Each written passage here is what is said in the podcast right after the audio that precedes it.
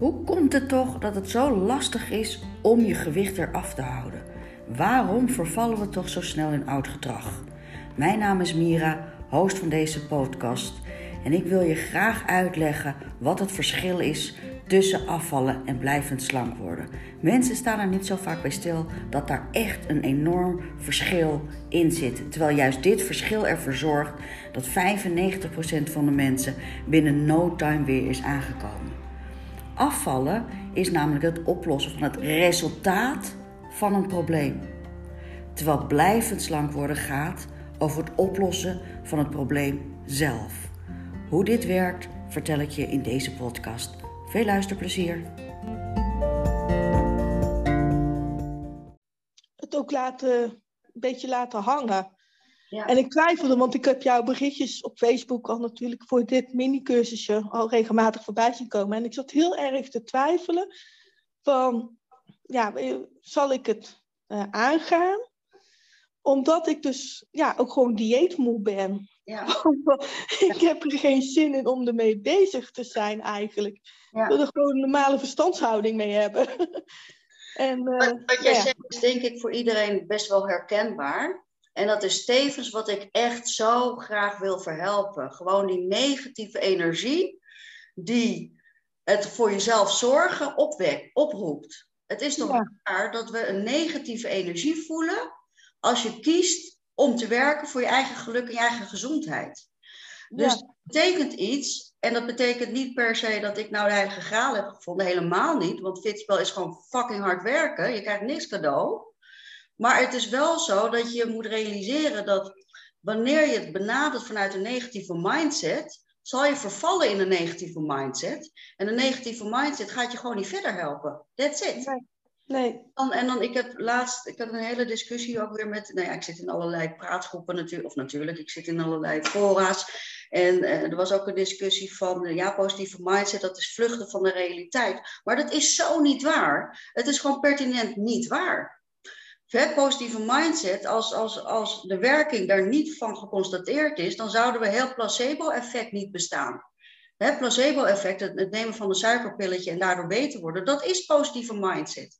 Er zijn honderden legio uh, uh, onderzoeken maar naar die dat bevestigen. Andersom ook, hè. We hebben natuurlijk placebo, dus het positieve effect van een positieve mindset word je beter.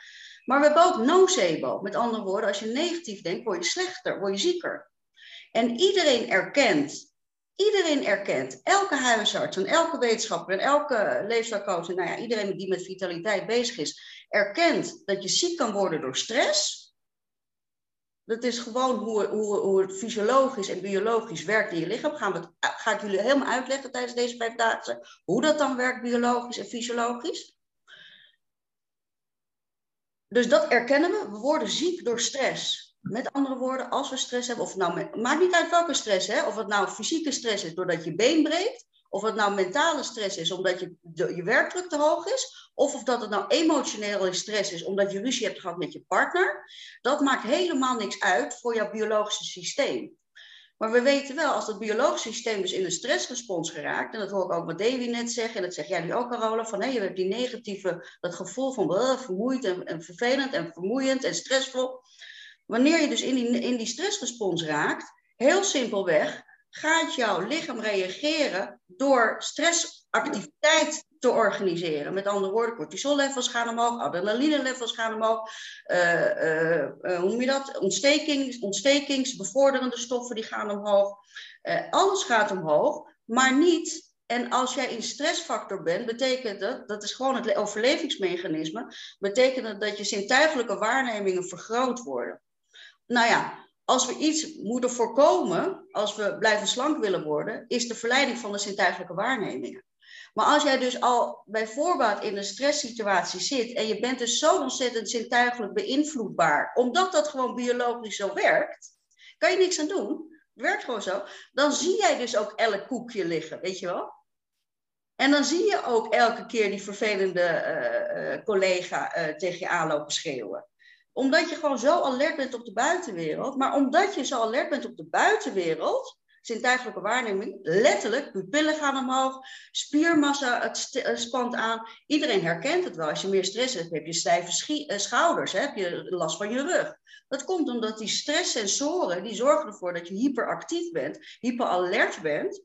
En dat is heel fijn, want als je moet overleven, dan moet je je prooi kunnen pakken. Dat is uiteindelijk waar het in basis ooit bij ons zo is ontwikkeld. Het nadeel is alleen, als we heel erg zintuigelijk um, geactiveerd zijn, gaat je lichaam automatisch de spijsvertering stilleggen. Want het lichaam kan niet twee dingen tegelijk. Dus is je stresslevel nou hoog, ga je automatisch je metabolisme laten zakken. En daarom zeg ik ook altijd, als je blijvend slank wilt worden, is het 9 van de 10 keer is het veel belangrijker om je stressregulatieplan in orde te hebben, dan te beslissen wat je wel of niet gaat eten. Want je kan gewoon afvallen met een McDonald's dieet. Dat maakt geen moer uit. Het gaat uiteindelijk om calorie erin, calorie eruit. Ja. Maar als jij dus niet je, je, je, je regulatieplan in orde hebt, je ontspanningsplan in orde hebt, als jij niet je vertrouwen, wat we net tegen Davy hebben gezegd, wat zeg je tegen jezelf, hoe denk je over jezelf, als je dat niet in orde hebt, dan kan je nog zoveel willen, maar dan verval je gewoon weer in oude patronen. En ik ben super blij, Carola, dat je hier toch weer zit. Omdat je toch moed hebt. Want dat is het ook, hè? Dat is het ook. Het is echt gewoon even één keer meer opstaan dan dat je gevallen bent. Ja. Het is gewoon niet zo dat het dat, dat of wat voor verandering dan ook, hè, want ik, geef ook coaching in, op andere gebieden. Het is niet zo dat, dat het een opgaande ladder is. Ik zeg altijd, verander, verandermechanismes kan je veel beter zien als een kluwe wol. Weet je wel? En die je dus helemaal probeert uit elkaar te halen. Al die knoopjes eruit te halen. En dan heb je eindelijk een stukje wol uit elkaar. Denk je dat je het onder de knie hebt. En helaas, Carola, ben je dus eigenlijk te vroegtijdig gestopt hè, met Fitspel toen. Of met het programma.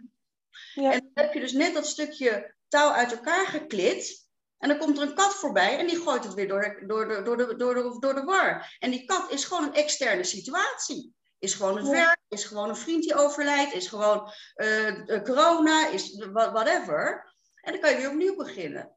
Maar de, de, en daarom zeg ik altijd, zie het als een spel. Hè? En nogmaals even terugkomen op wat Gerda net vroeg. Zie het als een fit spel. Want jij bent degene die de spelregels bepaalt. Jij bent degene die de spelregels bepaalt, maar je bent ook tegelijk degene die het spel moet spelen.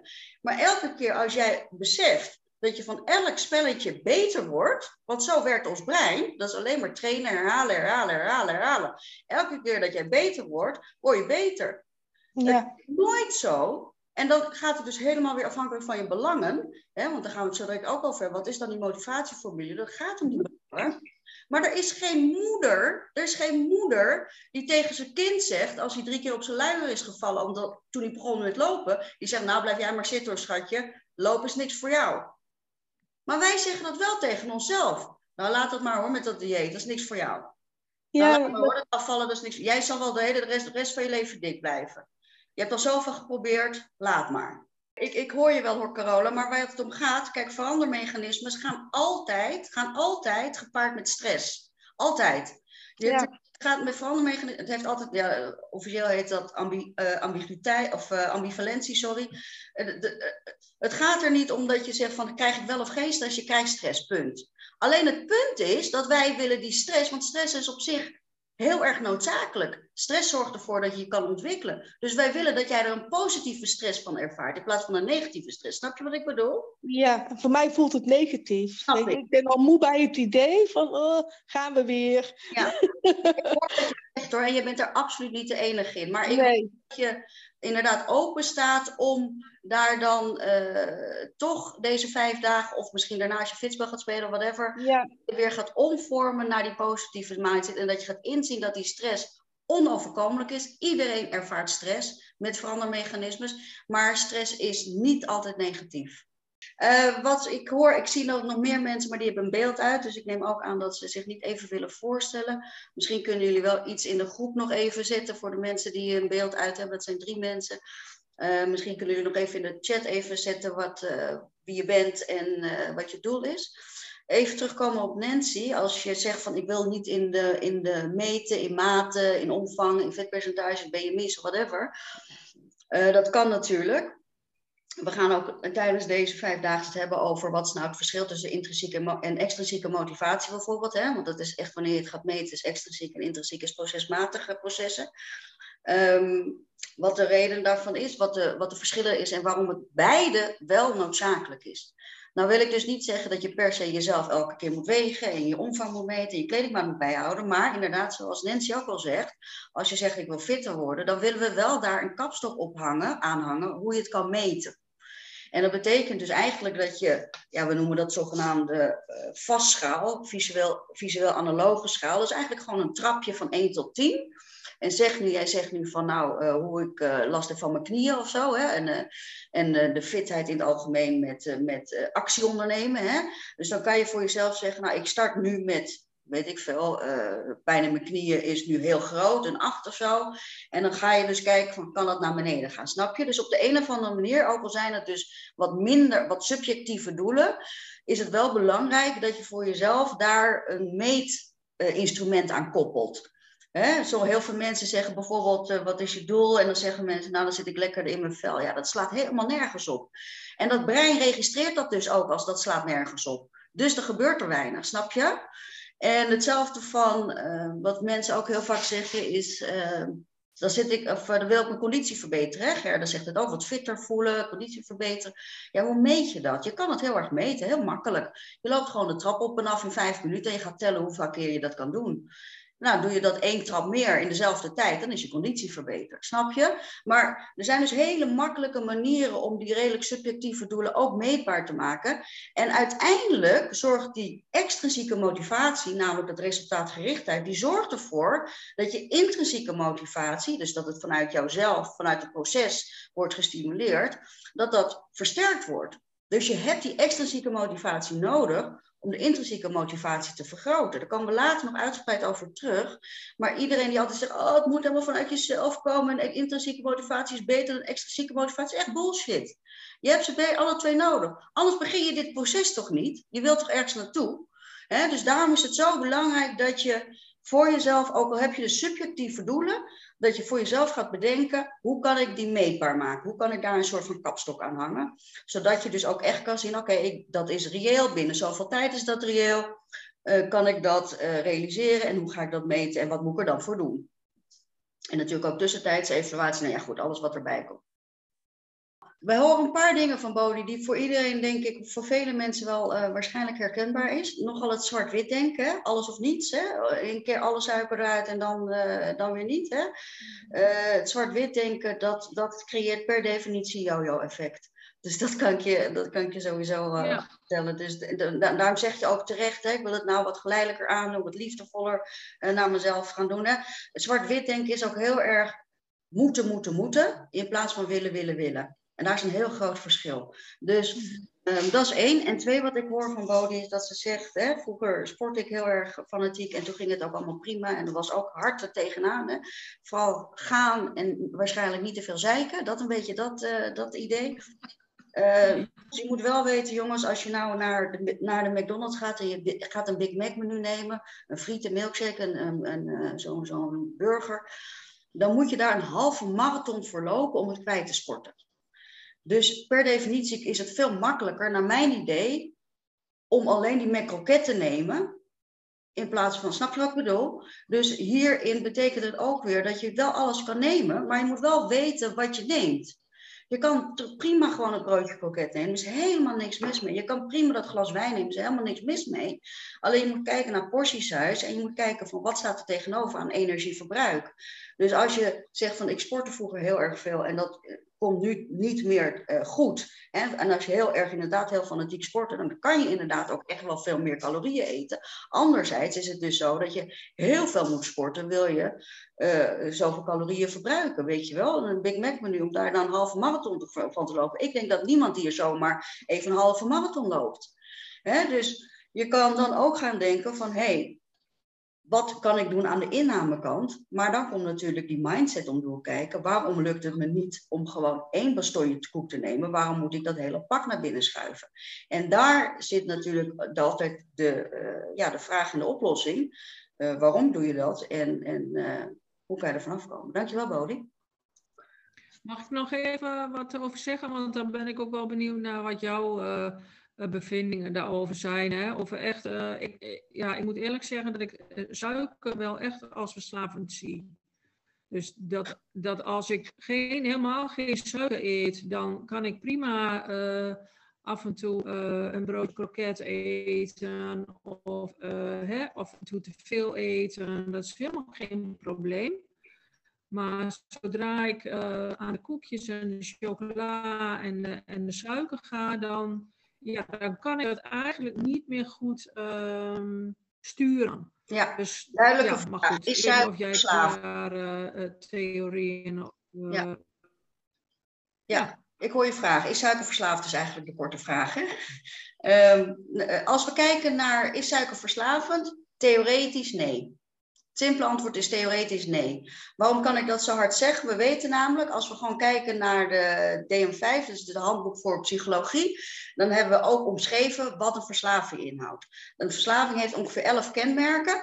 Een van die kenmerken is dat er een fysiologische verandering moet plaatsvinden, wil het een verslaving zijn. Met andere woorden, als we alcohol drinken, vindt er een, psychologische verandering plaats. Als we drugs gebruiken, vindt er een, psychologische of, eh, sorry, een fysiologische verandering plaats. Idem voor roken. Dat gebeurt dus niet met suiker. Dus in dat opzicht zeggen we gewoon, theoretisch gezien is suiker geen verslavend product. Je kan het ook anders zeggen, Bodie. Als jij zegt, ik ben uh, redelijk verslaafd aan suiker, want je bent daar zeker niet de enige in die dat, die dat zal zeggen, dan, is het, dan vraag ik mezelf af, eet jij ook een kilo suiker uit de suikerpot? Of zijn het toch die M&M's zak die je eet?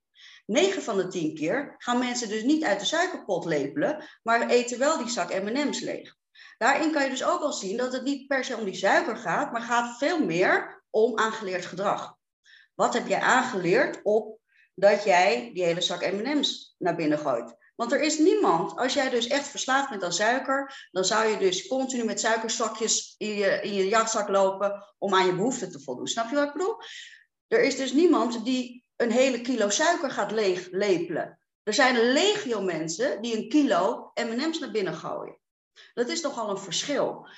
Dus op dat niveau kunnen we zeggen, suiker is niet verslavend. Maar wat we wel zien, is dat suiker gewoon een gelukshormoon aanmaakt, namelijk dopamine. Het is gewoon een hormoon wat vrijgemaakt wordt. En dat de vraag is nu, waar heel veel onderzoeken naar uh, over gaan, is komt dat door de suiker in het bloed?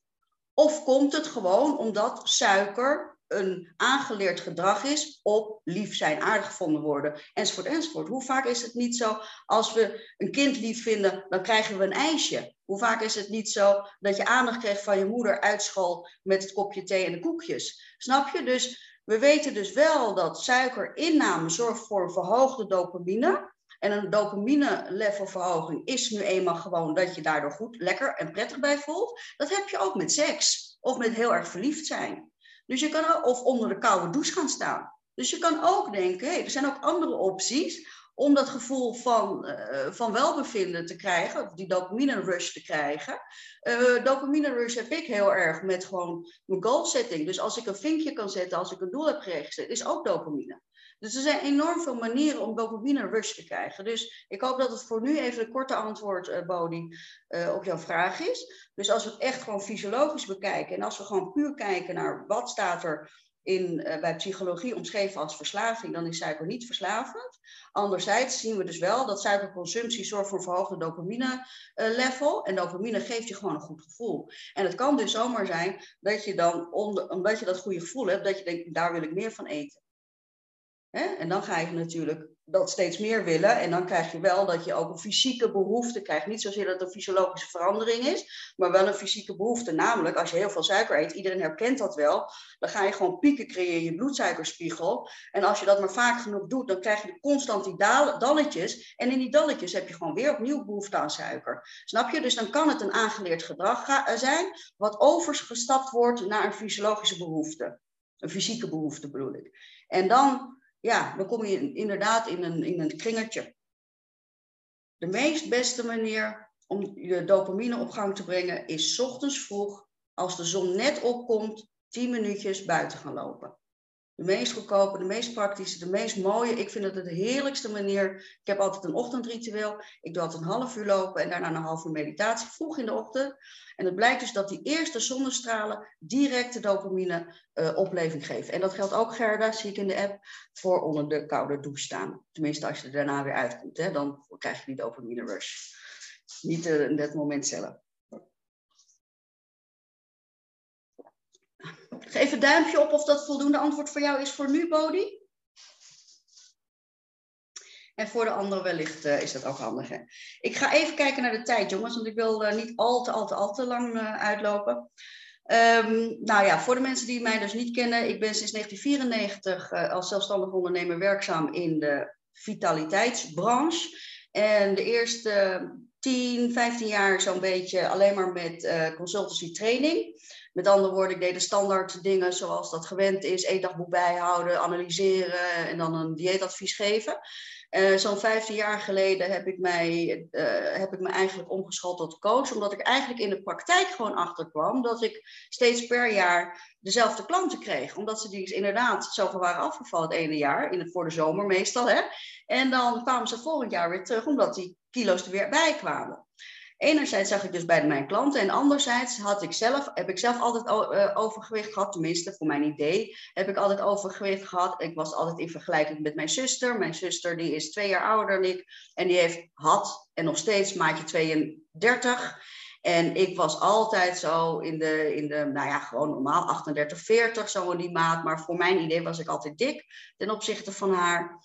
Uh, dus ik ben er eigenlijk altijd mee bezig uh, geweest. Ik was begonnen, ben eigenlijk begonnen in de sport, dus vanuit sportcoaching uh, gedaan. en toen ik er eigenlijk in die voeding terecht kwam, toen ben ik vooral eigenlijk ja, geïnteresseerd geraakt in hoe kan het dat sommige mensen, het, het lijkt alsof sommige mensen nooit hoeven te diëten en andere mensen zoals ik continu bezig zijn met voeding. Uh, en dat uh, heeft me tot, uh, tot fitspel geleid. Ik heb eigenlijk bedacht van ja, uiteindelijk maakt het geen fuck uit wat je eet, maar gaat het uiteindelijk echt alleen maar om die mindset. Dat was, is echt nog steeds mijn overtuiging. En mijn overtuiging is dus ook dat je blijft slanker worden, niet door het veranderen van je dieet, maar door het inzetten van persoonlijk leiderschap. En als je dat op die manier gaat benaderen, dan is mijn overtuiging dat het een continu proces is waarin je steeds beter wordt. En dat is zo tof omdat je dan het ook dus niet uitmaakt als je een keer wel een feestje hebt en als je lamlazig thuis komt of zo, omdat je weet ik veel wat, eh, iets moet hebt te vieren of omdat je heel verdrietig bent of weet ik veel wat. Maar je kan erom lachen, je kan erom glimlachen naar jezelf. Het is dan niet zo erg. Um, dat heb ik in uh, 2016, 17 ben ik mijn eerste fitspel heb ik gelanceerd. Um, eigenlijk ja, helemaal de hele ouderwetse consultancy heb ik eigenlijk helemaal losgelaten. Ik ga nooit meer voedingsanalyses maken. Ik ga nooit meer, uh, ja, als iemand zegt wat kan ik het best eten, dan, dan doe ik drie zinnen schrijven en dan is die persoon weer happy. Eigenlijk zijn er maar drie, vier regels die je qua voeding moet onthouden. Twee liter water, alles volkoren, 2,5 uh, ons groente per dag, twee stukken fruit, twee stukken fruit per dag uh, en tijd maken om te eten. That's it. That's it. En de rest kan je vergeten. En als je het dan nog simpeler wil maken, dan zeg je 2 liter water per dag en 3 ons groente per dag. Als dat je enige focus is voor deze aankomende week, ben jij volgende week een half kilo afgevallen. Gegarandeerd. Het probleem is dat mensen dat niet volhouden of niet doen of denken dat het, dat het toch niet werkt of weet ik veel wat, wat voor reden ze dan ook aanbrengen. Maar hoe makkelijk is het om alleen maar voor jezelf te zeggen, ik zorg dat ik twee of drie ons groente per dag eet dus dat kan niet alleen bij de warme maaltijd, dat moet je dus ook de, door de dag doorheen uh, eten. En ik zorg dat ik twee liter water per dag drink. Hoe simpel kan het zijn? Nou, als je dat doet, dan ga je merken namelijk dat je maag zo ontzettend opgezet gaat worden door de vezels van de rauwkost. En rauwkost nauwelijks calorieën levert. En de maaguitzetting, die zorgt voor de trigger van verzadigings uh, gevoel. Het, gebeurt niet in je hersenen, dat gebeurt in je microbioom, maag-darmen. Dus dat verzadigingsgevoel wordt gestuurd vanuit je darmen en je maag. En uh, als je dat weet, dan moet je er eigenlijk voor zorgen dat je continu een beetje een soort van volle maag hebt. Nou, de beste manier om dat caloriearm te doen, is om heel veel vezels te eten. En dat zit in groenten en rauwkost. Dus als je dat gaat doen, gecombineerd met 2 liter water, want je kan je voorstellen als die vezels zich gaan uitzetten en je drinkt daar ook nog eens water bij, dan krijg je een grotere uiteenzetting. En als je dat dus gewoon doet, heel praktisch, heel simpel, heel gezond en heel uh, ja, niet ingewikkeld, dan ga je gewoon afvallen. Gegarandeerd.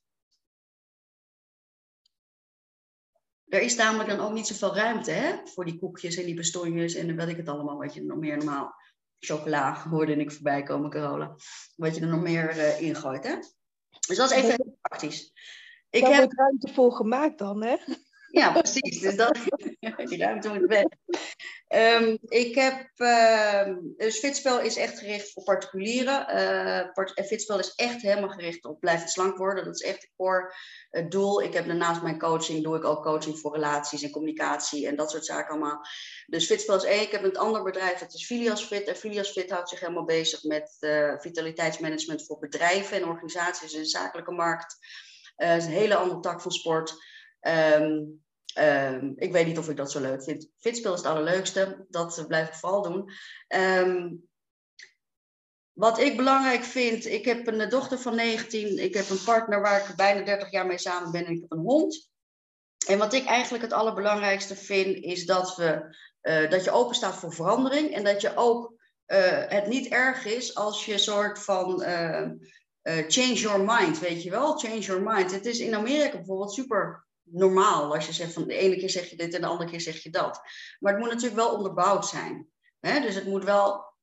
We weten gewoon, ik, ik, ik loop nu al zo'n kleine 30 jaar mee in dit veld. En je ziet gewoon die verschuivingen in die ontwikkelingen. Dus wat ik. Uh, voorbeeldje, toen ik net begon met, uh, met consultancy, toen was het heel gebruikelijk dat we zeiden van iedereen moet zes keer per dag eten. Want waarom? Omdat je dan je kacheltje aanhoudt en dan je, je stofwisseling omhoog gaat. Dat is helemaal achterhaald. Hè? Dus het is ook logisch als je uh, meegaat in de verandering, dat je zo change of mind hebt. Maar dat gebeurt dus ook in je eigen persoonlijke ontwikkeling. Dus dat is heel belangrijk dat je daarvoor open staat. Dat het dus niet erg is dat je jezelf even moet bijstellen in je overtuigingen en in je gedachten over jezelf en in een mindset over uh, diëten. En vooral ook in hoe ons door de dieet terreur, noem ik het, ons in de maag is, of ons in de strot is geduwd, dat we zeggen, ja, uh, overgewicht, dat is een individueel, programma, uh, individueel probleem. Dat moeten die mensen zelf maar uitzoeken. Dat is gewoon niet waar. Punt. Wij zijn hier op de wereld alleen maar omdat we samenleven. That's it. That's it. Dus als jij niet jouw proces ondersteund voelt door anderen, is het al gedoemd om te mislukken. Denk nou niet van, oh, ik ben sterk en ik kan alles in mijn eentje, dacht ik heel lang namelijk. Dat is niet waar. Je hebt altijd andere mensen nodig. Altijd. En zeker dus in een proces waarbij je ervoor uitgaat naar een levenslang proces, naar een levenslang resultaat. Dat is waar, waar, waar Fitspo voor gaat. Wij gaan dus niet voor die quick fix. Wij gaan niet even snel 10 kilo voor uh, de zomer afvallen. Ja, er zijn genoeg mensen die 10 kilo voor de zomer afvallen. Ik bedoel, er zit nu eentje in Fitspo, zit in week 18 16 kilo kwijt. Maar dat is niet het doel. Want nu komt de kunst, als zij dus zo direct fitspel is afgelopen, gaat zij door in het pro-programma, gaat ze dus in het vervolgprogramma door, is dat er volgend jaar nog steeds af. Dat is mijn doel met jou. Snap je wel? En dat is waar heel fitspel over gaat. En Um, dat doe ik met heel veel liefde en heel veel plezier. Ik moet daar continu voorbij scholen, omdat de ontwikkelingen enorm snel gaan. Vooral ook dus omdat ik heel erg bezig ben met, uh, met de, de drie as. Hè. De drie as bedoelen we het microbioom.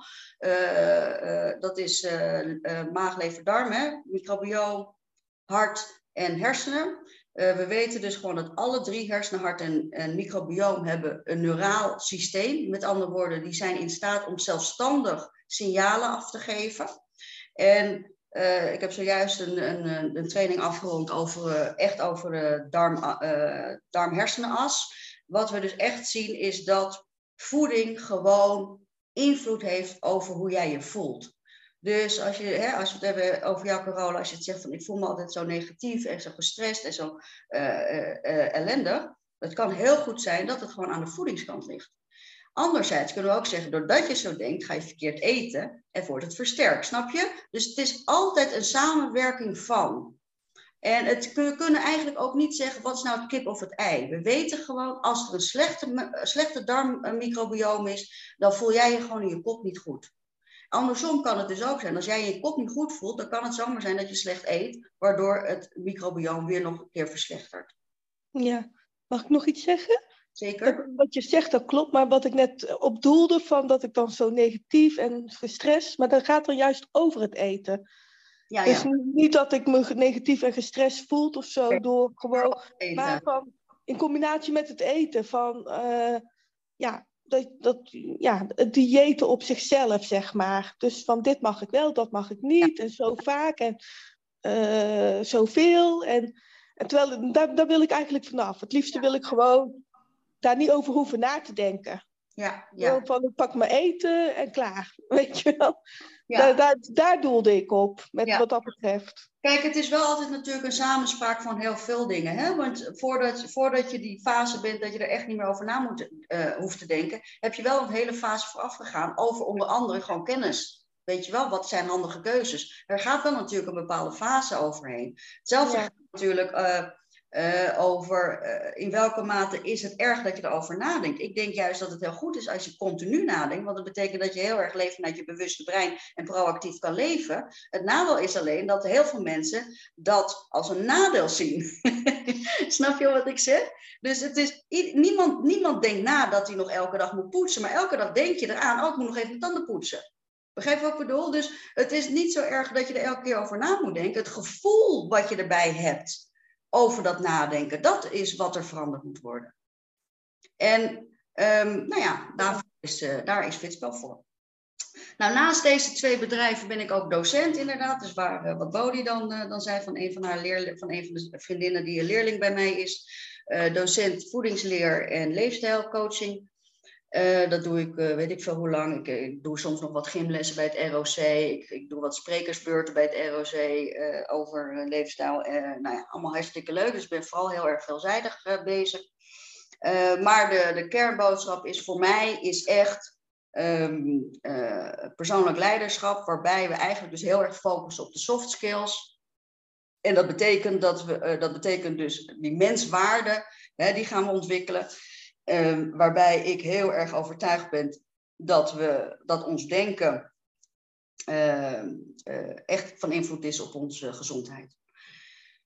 Um, gezien de tijd uh, ga ik het hier even bij afsluiten qua extra informatie, want ik wil het heel graag hebben met jullie over die positieve mindset.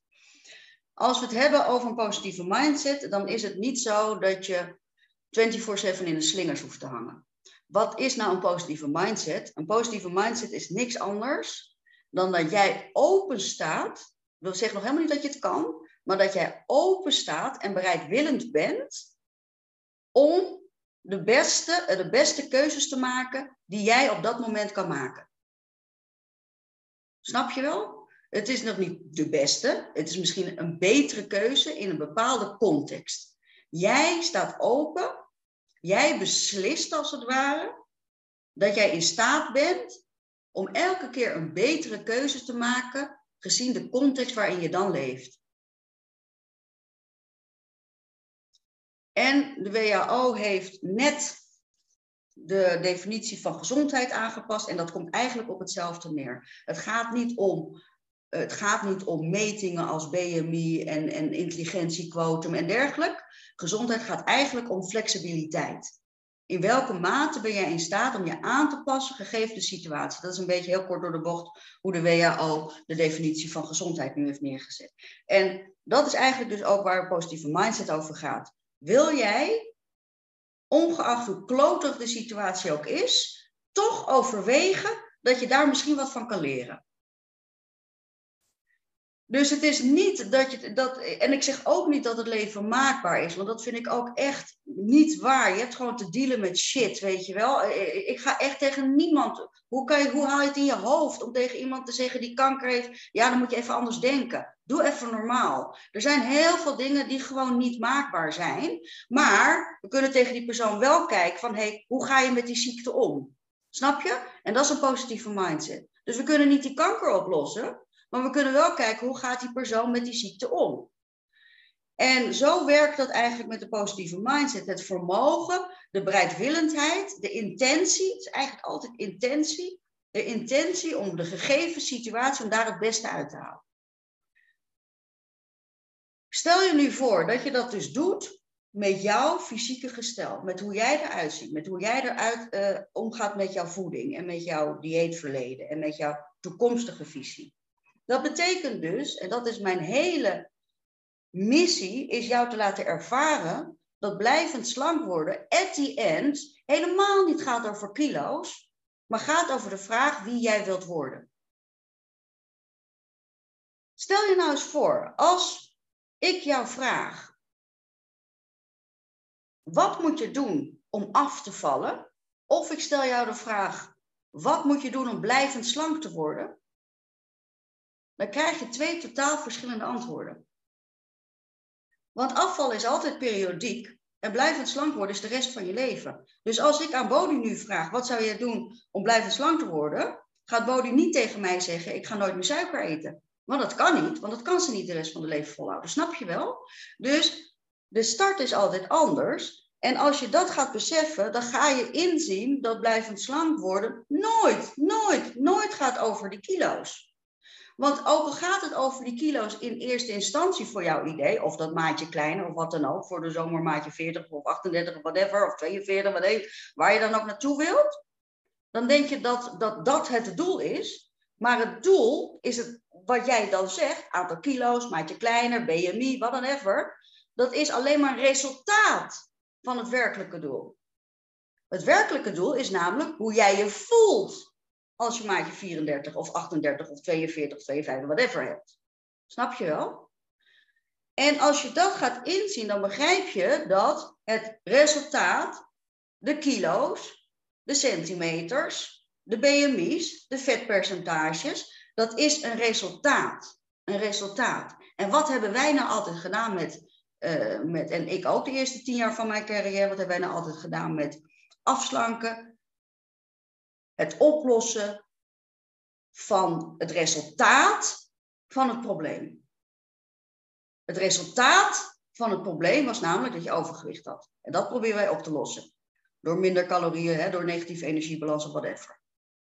Dus wij proberen met een dieet het resultaat van het probleem op te lossen.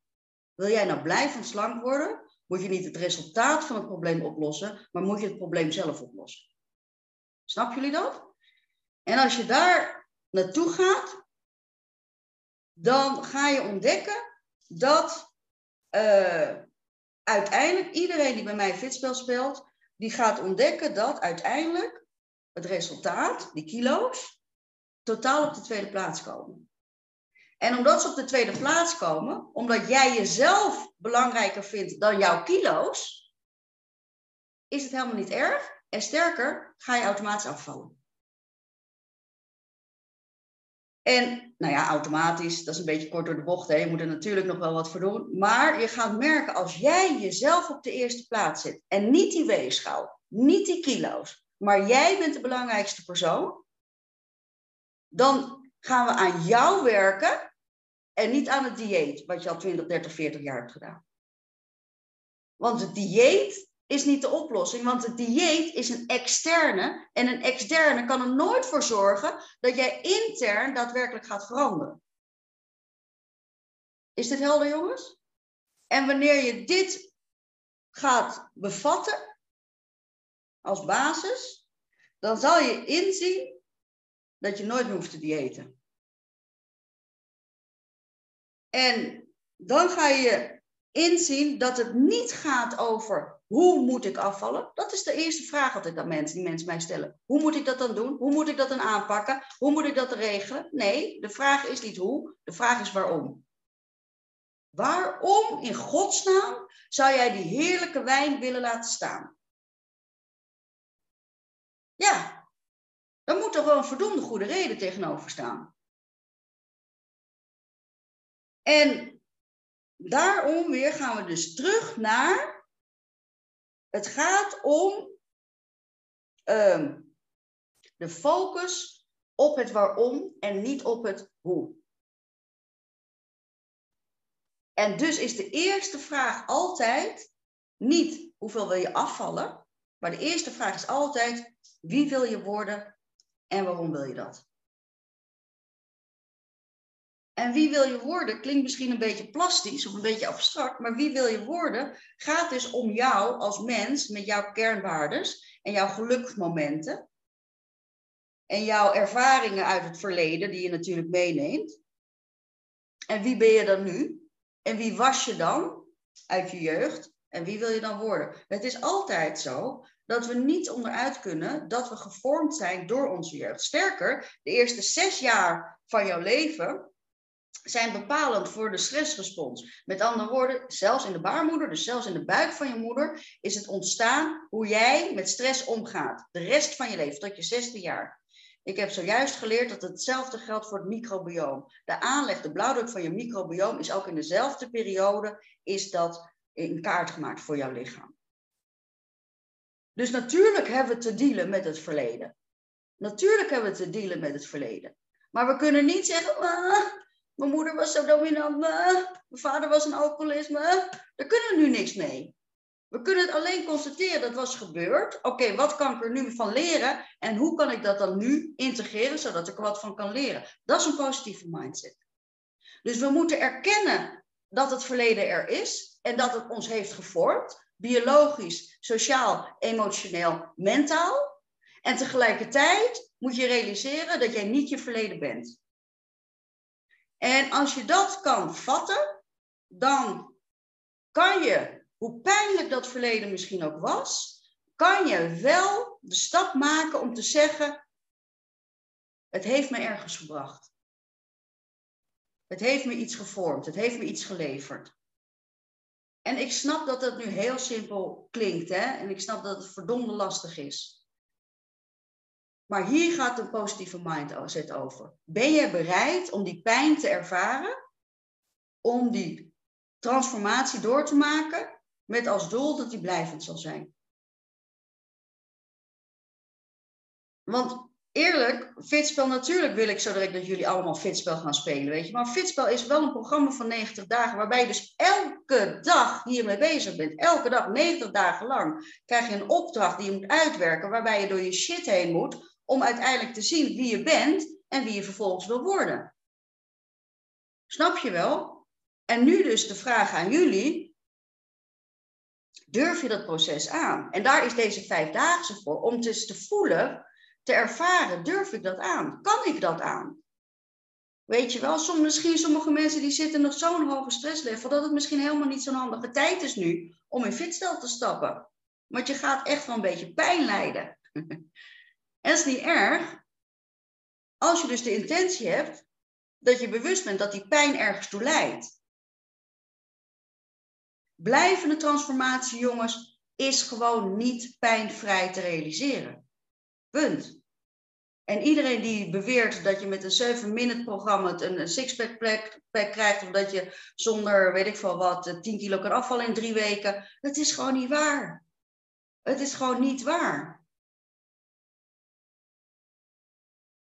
Blijvende trans. En dan heb ik het steeds over blijvend, hè? want inderdaad, je kan best wel 10 kilo kwijtraken in, in, in acht weken. Dat kan best. Maar ik heb het nu steeds over blijvende transformatie. Daar heb je gewoon pijn voor nodig. En niet per se. Um, uh, waarom zeg ik dat? Omdat uh, als jij heel erg in je impulsgedrag zit, wat ik een paar keer hier voorbij heb horen komen, hè, snel weer verleiding in, in oud gedrag. Als je in je impulsgedrag zit, kan je je voorstellen dat het continu bewustzijn van je impulsgedacht gewoon enorm energie, uh, veel energie kost. Snap je? En je moet die energie maar hebben. Snap je?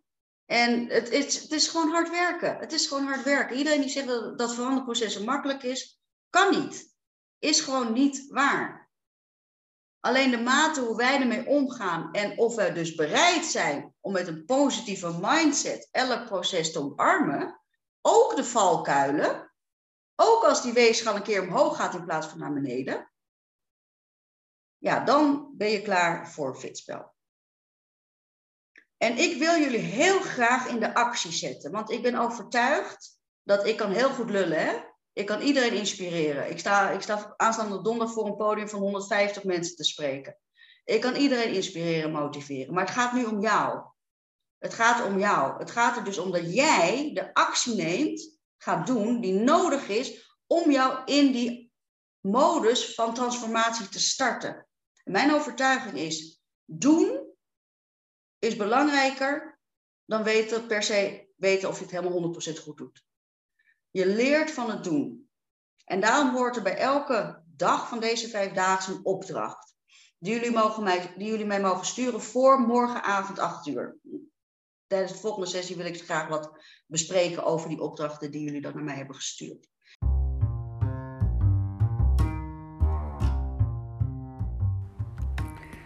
Wat super tof dat je helemaal tot het eind hebt geluisterd. Je hebt geluisterd naar een audiofragment van de gratis vijfdaagse mini-training Volhouden. Wil jij hier ook een keer aan meedoen? Kijk dan even op www.fitspel.nl schuine volhouden.